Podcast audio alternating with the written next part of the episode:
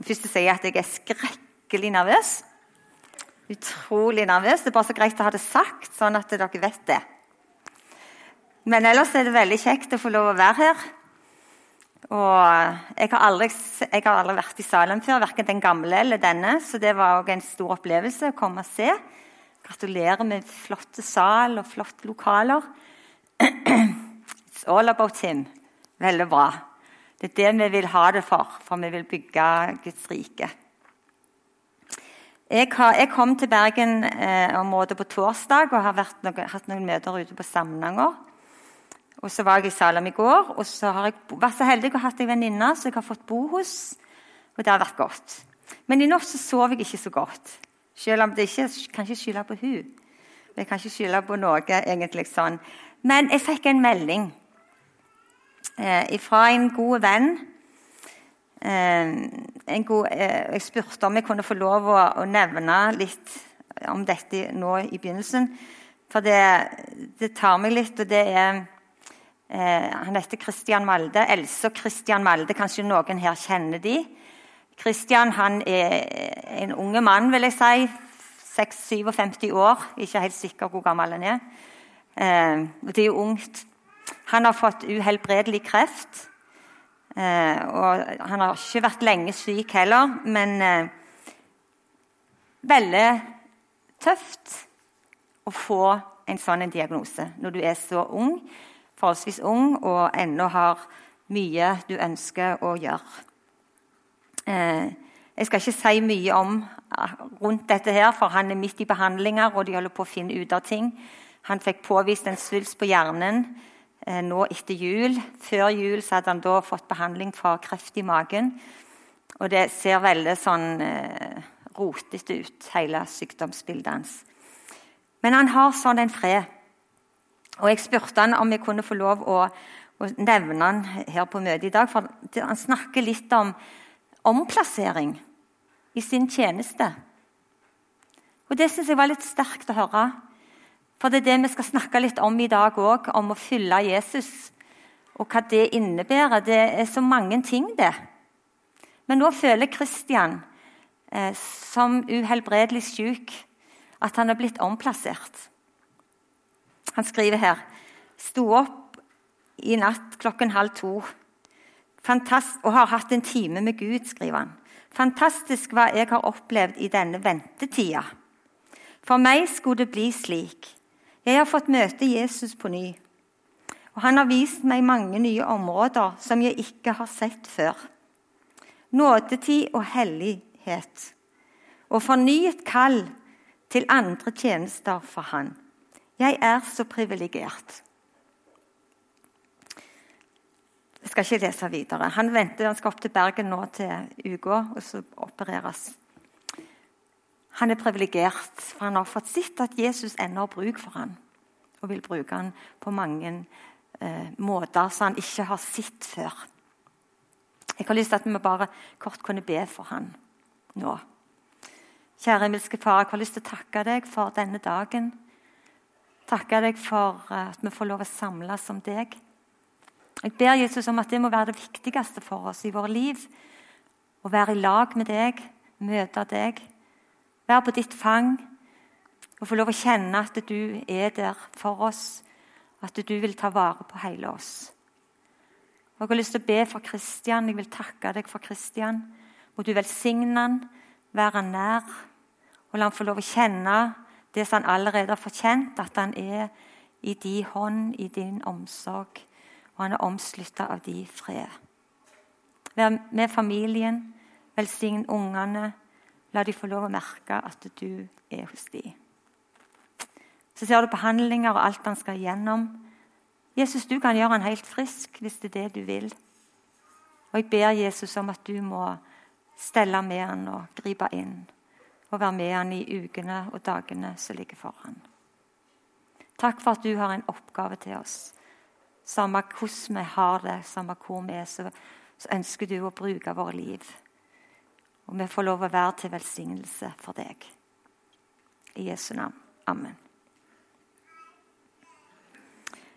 Eh, jeg fikk dette temaet for ganske lenge siden. Eh, og jeg syns det var vanskelig, faktisk. Følg meg. Den teksten fra eh, Matteus 4.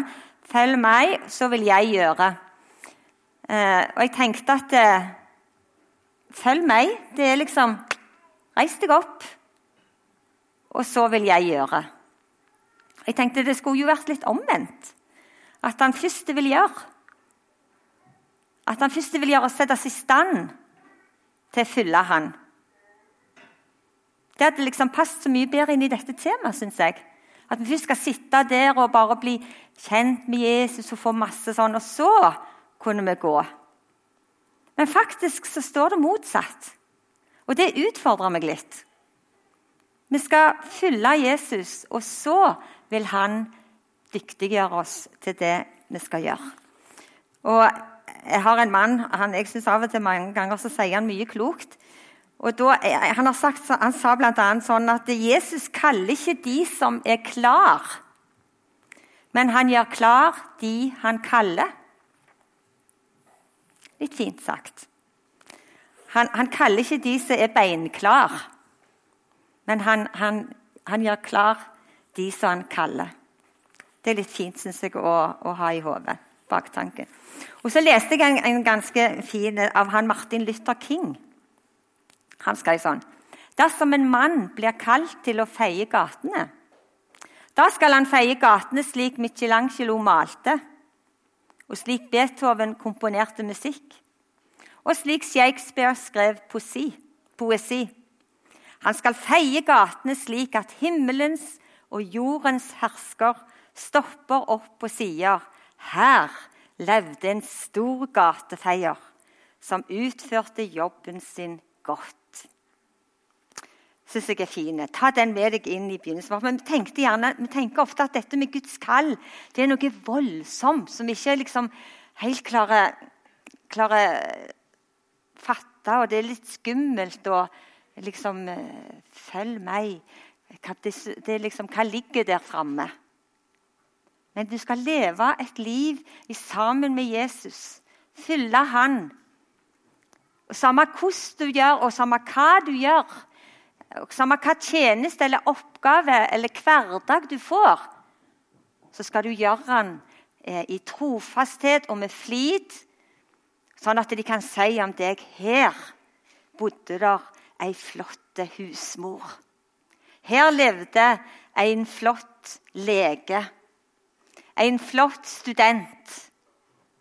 Og himmelens og jordens skaper, han vil se med velbehag på det.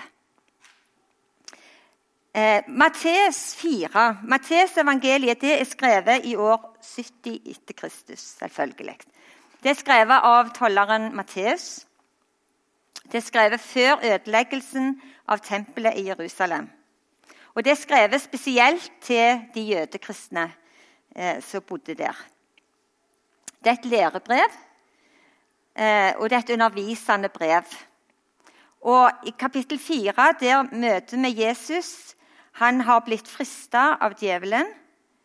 Han er begynt så smått sin virksomhet. Han er unge. Han er jo ikke mer enn 30 år. Det vet vi jo. Så det er en unge mann vi møter i Matteus 4. Og Det står òg, det synes jeg òg er litt fiffig å, å, se, at han, eh, det står at han, han drog opp fra eh, Nasaret. Han fikk høre at eh, døperen Johannes var kasta i fengsel, og Så dro han opp fra Nasaret, og så gikk han til Galilea. Og Det står det òg om i, i, en av profetiene, at det var det som skulle skje. Jesus, skulle, eh, skulle, Ordet skulle bli oppfylt, som er talt ved profeten Isaiah. Sebulons land og Naftalis land ved veien mot sjøen, landet på den andre siden av Jordan, hedningenes Galilea. Det området var det Jesus gikk til. Til hedningenes Galilea. Han ble ikke værende i Nasaret, hjemme. Han brøt opp Jesus òg, tenker jeg. Og så var han der i, eh, i, blant, i hedningenes Galilea. Og Hvordan var tilstanden der? Der var det et folk som satt i mørket. Og det var òg dødsskygge og død over landet, står det. Og dette folket var det som skulle få se et stort lys. Og for de som satt i dødens land og skygge, for deg er et lys opprundet. Det står der i profetien. Og Det var akkurat det Jesus oppfylte eh, i Matteus 4. Han kom til Galilea, og han kom og bosatte seg i Kapernaum, en by i Galilea. Eh, sånn en liten eh, setting rundt Jesus, eh, hvor Jesus var. Eh, i, i, i, vår tekst, som er fra 18 til 22, så står det at han eh, var ute og gikk en dag. Og det tenker jeg også er ja, Han var ute og gikk. Han vandra langs Galileasjøen, står det. Og når han gikk der langs Galileasjøen, så fikk han se to brødre, Peter og hans bror Andreas. De var i ferd med å kaste not i sjøen, for de var fiskere. Så ser han de to der. Selvfølgelig visste han om dem. Vi vet jo det at Jesus kjenner oss Eh, han kjenner alle. Han kjenner deg. Han vet at du er i Salem i dag. Han kjenner alt. Så dette var jo ingenting sånn Det var jo ingen tilfeldighet. Absolutt ingen tilfeldighet. Men det kan på en måte synes sånn. Han vandret langs Galileasjøen, så fikk han se disse to brødrene. Så sa han til dem, 'Følg meg, følg meg, så vil jeg gjøre dere til menneskefiskere.' Og så står det jo så fantastisk De forlot straks garna sine, og de fulgte ham. Og Så gikk han enda litt et lite stykke, litt lenger, enda lenger langs sjøen, sammen med disse andre to. Og Der fikk han se Jakob, sønn av Sebedeus, og hans bror Johannes.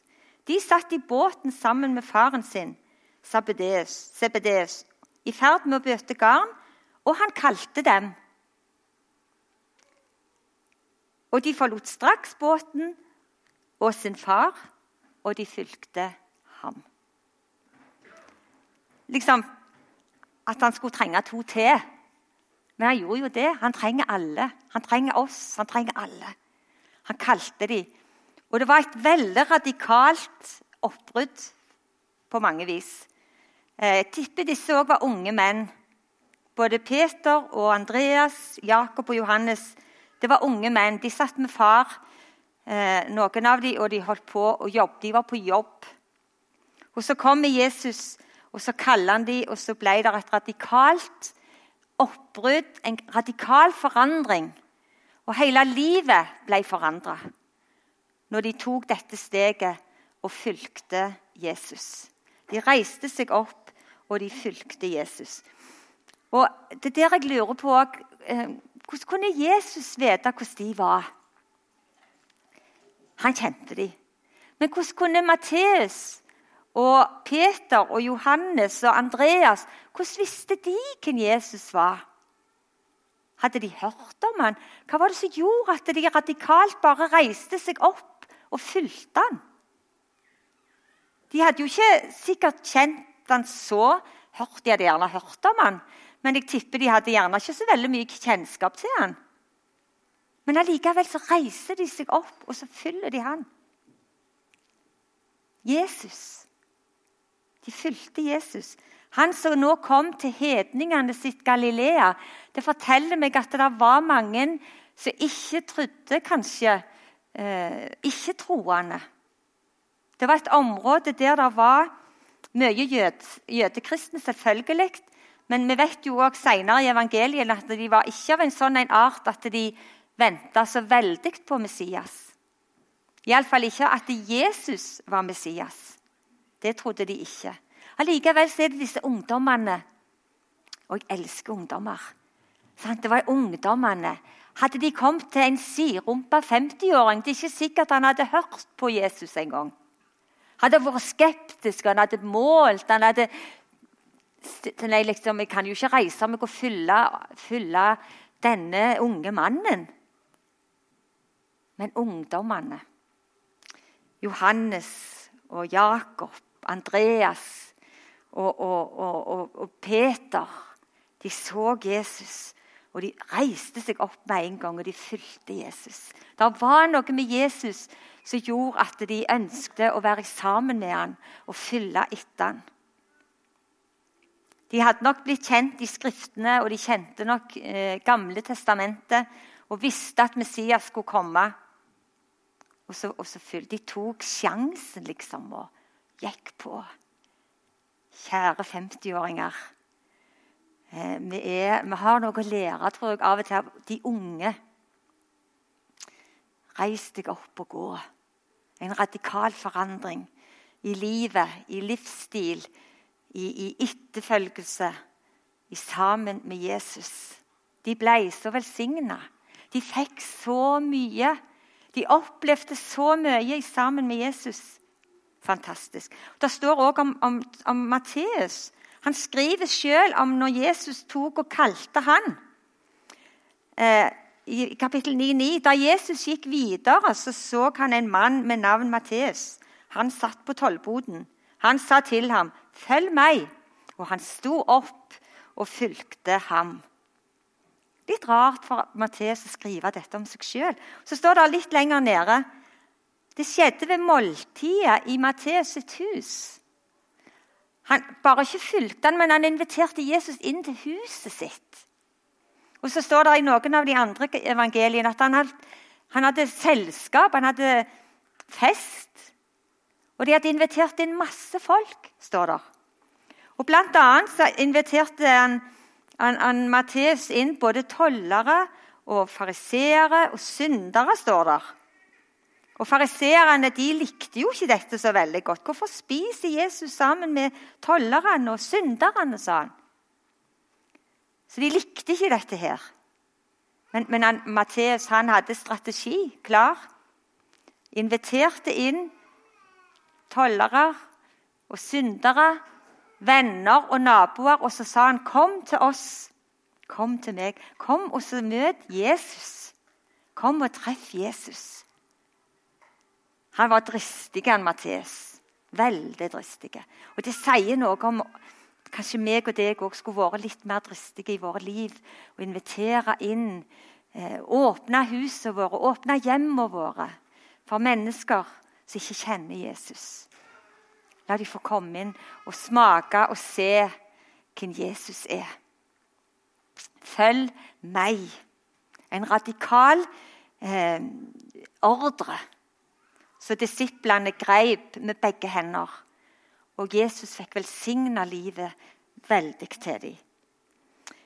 Jeg tenker når vi, skulle, når vi ble kalt som til misjonærer, så måtte vi jo igjennom noe masse greier. Vi måtte til lege, vi måtte skrive hvem vi var kjæreste med, og vi måtte vite, de måtte vite alt om oss. Vi skulle godkjennes. Vi skulle godkjennes. Det var veldig viktig for misjonen å godkjenne oss. Jesus kalte tollere. Tolleren Matteus. Fiskere han godkjente de uten intervju, uten helsepapirer, uten eh, eksamener fra høgskoler eller hvor du enn har, har gjort, lest og vært. Han godkjente de. Fyll meg, sa han, så skal jeg gjøre dere til menneskefisker. Så skal jeg stelle med dere. Jeg skal, gjøre, jeg skal gi dere alt dere trenger. Både for livet og for tjenesten. Alt skal dere få hos meg. Fyll meg. Godkjent med en gang. Kom til meg, så vil jeg gi dere. Jeg vil gjøre. Jeg vil lede dere. Jeg vil føre dere fram. Jeg vil gå med. Jeg vil være en medvandrer gjennom alt som du opplever i livet. Så vil jeg være med. Men du må fylle Han. Du må fylle Han. Det er den betingelsen Jesus stiller. Du må reise deg, og du må fylle Han. Du må ta imot Han i livet ditt. Og det er da han begynner med, med stellingarbeidet og omsorgsarbeidet. Og vil være hos deg. Fantastisk hvordan Jesus er. Fantastisk hvordan Gud er i våre liv. Det står om han eh, Abraham. Han hadde en lignende opplevelse. Gud kalte Abraham. Veldig drastisk, det òg. Og Abraham på den tida han ble kalt, da var han i eh, sorg. Han hadde nettopp mista faren sin. Og Han bodde i, eh, i Karan. I Kanan, var, de var reist ut fra Ur, og de var på vei til Kanans land. Men så satt, bosatte de seg i Karan, og der døde far til Abraham. Og Etter en stund så kommer Gud til Abraham og så sier han, Dra ut.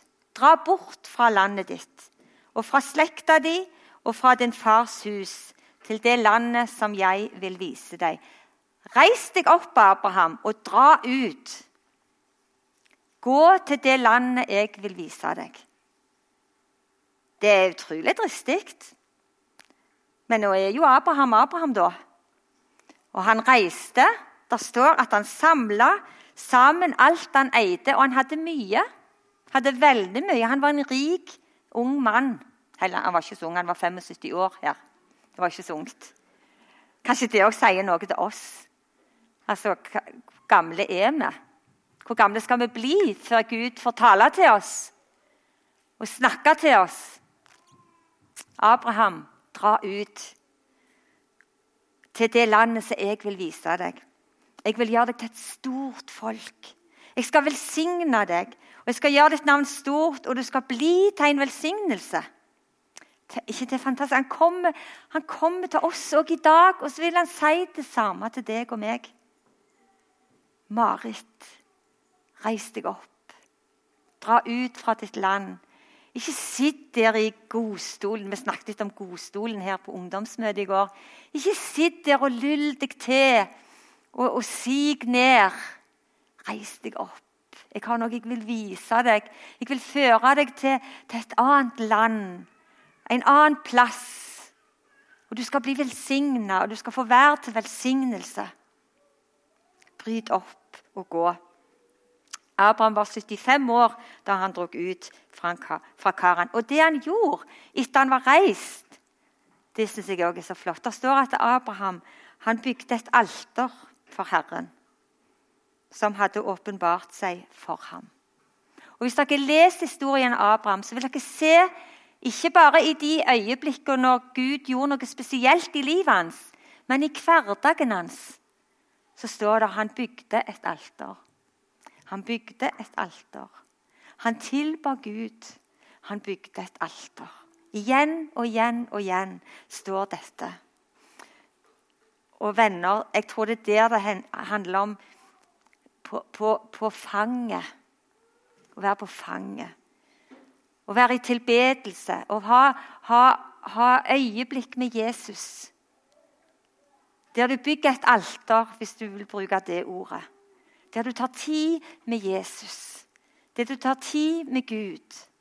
Der du er i lag med Han. Takke Han. Snakke med Han ber til han. Han Kristian var oppe klokka halv to i natt, og Jesus var hos han. Jesus er alltid hos de, så han hører kalle på han. Han vil alltid være der. Han er alltid nær til det barnet som kaller på han, som har bruk for han. Gjør det. Bruk alteret. Bruk, bruk Herrens navn i din etterfølgelse når du skal være her eh, på jord. Det står òg i, eh, i Første Mosebok 13,1 13,2 at eh, Abraham ble veldig rik på buskap, på sølv og på gull. Han ble en rik mann, og, og det er mange ganger roten til alt vondt. Og det var det faktisk her òg. Det ble faktisk en del sånn krangel mellom Lot og Abraham. Ikke så mye Abraham, men tjenerne til disse. Og Abraham han, han ba til Gud og spurte hvordan skal vi ordne dette. Og Så står det at, at Gud svarte Abraham, og han sa til han at eller, eller de snakker sammen, Abraham og Lot. Og så skal de velge beiter for, for buskapen sin. For det var for lite beitemarker. Og Da står det at, at på tross av, av, rikdommen, på tross av gullet og sølvet og alt han hadde, så hadde ikke det innvirkning, påvirkning, på, på Abrahams valg. På de valgene han tok i livet. For det står at han, han på en måte satte seg, se, seg selv litt til side. Så sa han til Lot Lot, nå kan du få velge først hvor du vil at dine kyr skal, skal beite. Og Så så de utover landet, og så var det veldig fint der i Jordandalen. Sant? Grønt og fint og, og masse gras. Og så tok Lot og, vent, og velgte om, områdene der i øst mens Abraham han, han ble på Hebron og slo seg ned i Mamre, står der. Det var karrig, det var ørken, det var sand.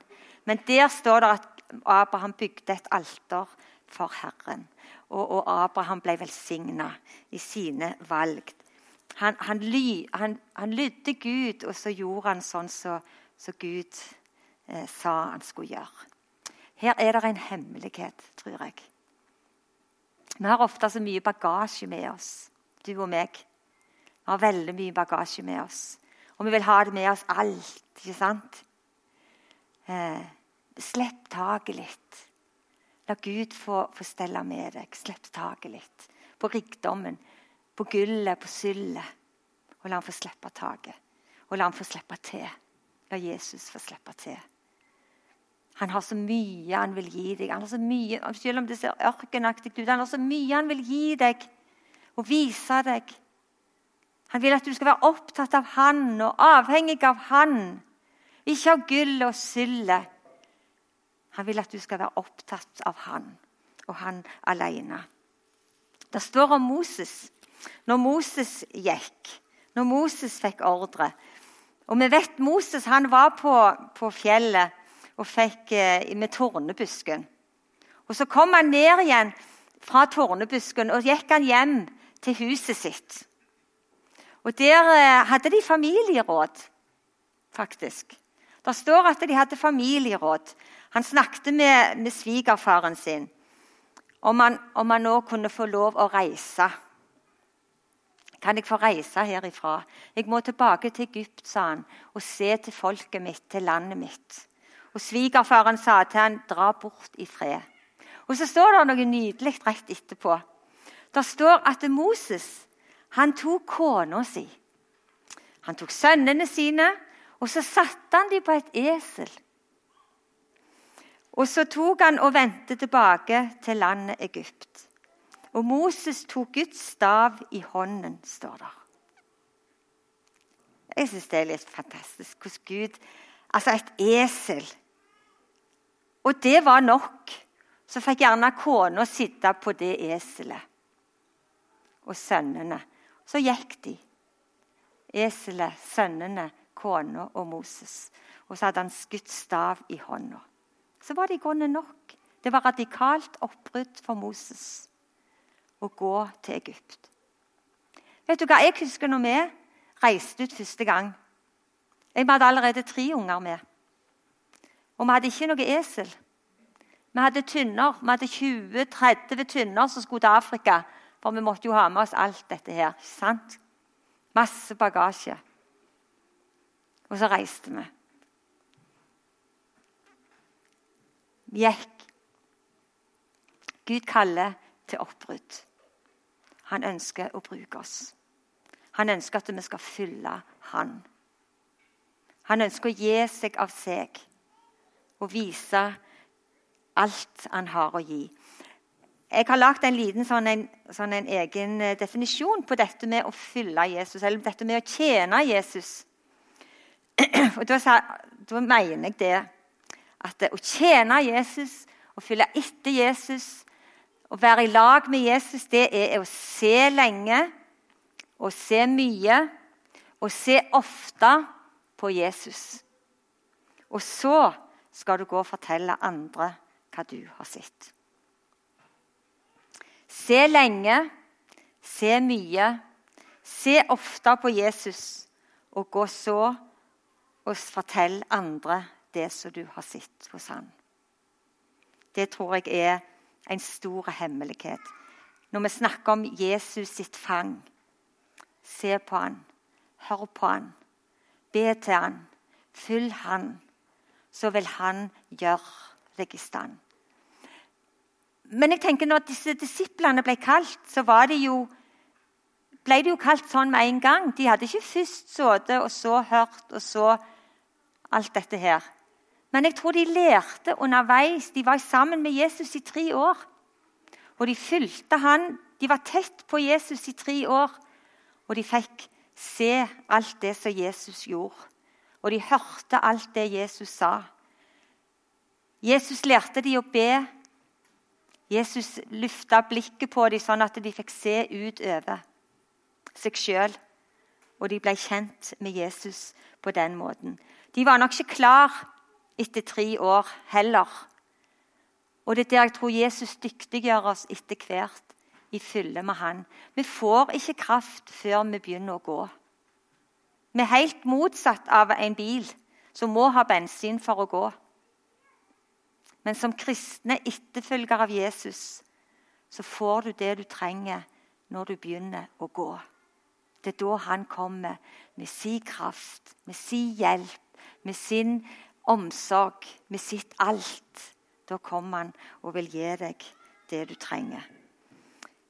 Jesus satsa på disse tolv først. Og etterpå dette så har han satsa på mange, mange, mange. Han har satsa på deg, sånne som deg og sånne som meg. Og han har til og med satsa på sånne skal vi se et bilde fra Afrika. Han satser på, på, Af på afrikanerne. De satser han på. Eh, og han kaller afrikanerne òg. Og jeg har bare lyst til å fortelle dere en liten liten fortelling fra ei dame.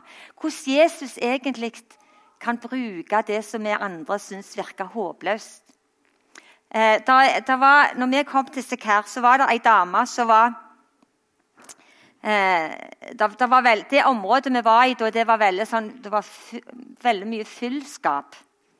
Og Vi bodde oppe på en plass etter Sekher, og der var det veldig mye drukkenskap. Mest alle lå unna for alkoholen. Eh, det var, det var ei kvinne der som heter Rebekka etterpå. Hun var øldronning.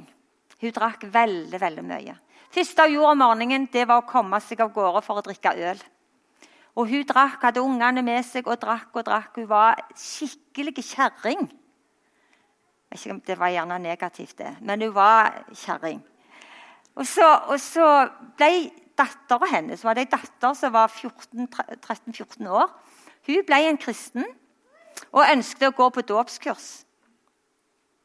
Og når denne mora da fikk høre at dattera skulle gå der så de hvite holdt på med, med denne nye guden, så ble hun sint. Og Hun kom til oss og så sa hun at hvis hun skal gå på dåpskurs, så skal jeg høre hva hun lærer. Jeg skal sitte og følge med på alt hun får høre. Og Så kom hun og satte seg på et tre. Vi hadde ikke kirke da. Satte seg helt bak oss på en trestubb og hørte. Hver uke i halvannet år. Og Hun kom full hver eneste gang. Hun kom drukken. Hun sjangla noen ganger, var hun veldig full noen ganger. Men var alltid hadde vært innom og drukket en skvett. For hun klarte jo ikke å komme uten å være påvirka. Eh, da dåpsdagen kom, etter halvannet år, så kom hun på kontoret. 'Jeg vil òg bli døpt', sa hun. 'Jeg har bestemt meg òg for at jeg vil bli døpt.' Nå har jeg sittet og hørt her, og jeg tror jeg vil bli døpt, jeg òg, sa hun. Og de fikk Hun var full da òg. Og de fikk jo en skikkelig case. Hva skal vi gjøre? Eh, skal vi døype hun? Hun har jo ikke bekjent noe. Hun har ikke gitt uttrykk for at hun har forandring i livet sitt. eller noen ting. Og de ble vel liksom dagen nærme, og de sa de måtte snakke litt. Og sånn. Og de, de, eh, da søndagen kom, og, og, de hadde bestemt seg for De hadde sånn samling eldsteråd, og Leif var med dem. Og, og så tenkte de at vi, vi må gjerne døype henne. For skal, vi kan jo ikke nekte henne heller. når hun, når hun eh, vil. Og så kom søndagen, og så var de jo litt spente, selvfølgelig. Det var, var 50-60 ungdommer som ble døpt den dagen. Det var en stor dåp i Sikar. Og flere voksne. Og der kom hun fru Rebekka, da. Så hadde hun vært og lånt seg en kjole. Jeg ser ennå for meg en sterk, fargerik kjole som hun kom i. Marsjerende ned. Lukta øl. Ja, hun gjorde det og satte seg der på, på benkene. Vi hadde sånn trebenker under et tre i, i her.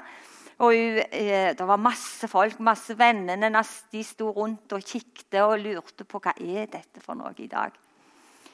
Og Så ble de døpt. Den ene etter den andre av de unge kom fram. Og du må forsake djevelen og alle hans gjerninger og alt hans vesen. Hver eneste kandidat blir spurt og stilt disse eh, spørsmålene. Og så var det helt til slutt, og så kom Rebekka fram.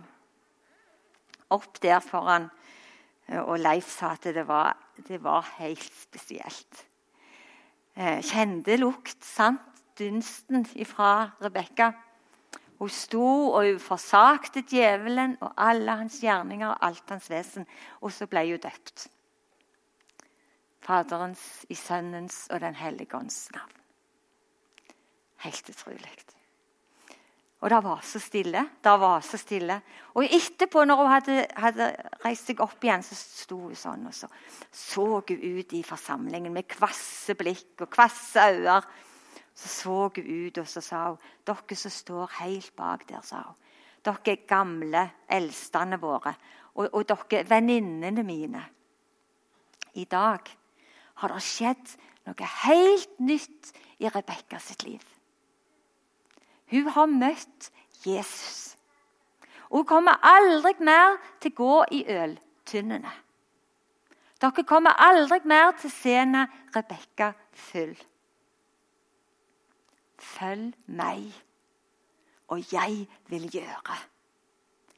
Og vet du hva? Som den nordmannen jeg er, så hadde jeg ikke tro på det i det hele tatt. Det kommer ikke til å holde til i morgen. Dette var i 1987. I september så var vi ute. Og vi var oppe i Sekær. Og når vi var i Sekær, så de de, eh, skulle de ha stormøte på søndagen.